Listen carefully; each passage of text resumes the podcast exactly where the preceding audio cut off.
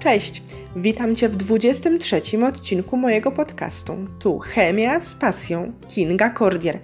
O czym dzisiaj usłyszysz? Przypomnijmy sobie, co to takiego liczba atomowa, a co to liczba masowa. To są łatwe kwestie, ale często mam wrażenie, że sprawiają Wam masę kłopotów i zupełnie niepotrzebnie zabierają Wam czas na sprawdzianach. Zapamiętaj, liczba masowa zawsze jest większa od liczby atomowej. Ok, z jednym małym wyjątkiem, jakim jest wodór, bo w przypadku atomu wodoru zarówno liczba atomowa, jak i liczba masowa wynosi 1. Liczba masowa to suma protonów i neutronów, które tworzą jądro atomowe danego pierwiastka chemicznego. Z kolei liczba atomowa to liczba protonów w jądrze atomowym. Jest ona równa liczbie elektronów. Przejdźmy do przykładów. Weźmy beryl.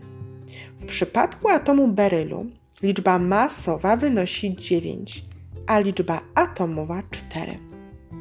Ile atom berylu ma protonów, ile ma neutronów, a ile ma elektronów?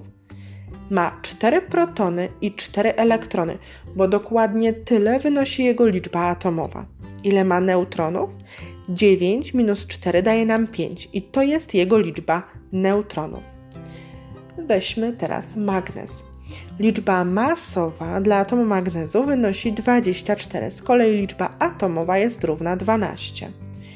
Ile atom magnezu ma protonów, neutronów i elektronów? Ma 12 protonów i 12 elektronów, bo dokładnie tyle wynosi jego liczba atomowa. Z kolei ma 24 minus 12, również 12 neutronów. Mam nadzieję, że ten podcast przybliżył Ci nieco ten temat. Zapraszam Cię na kolejne.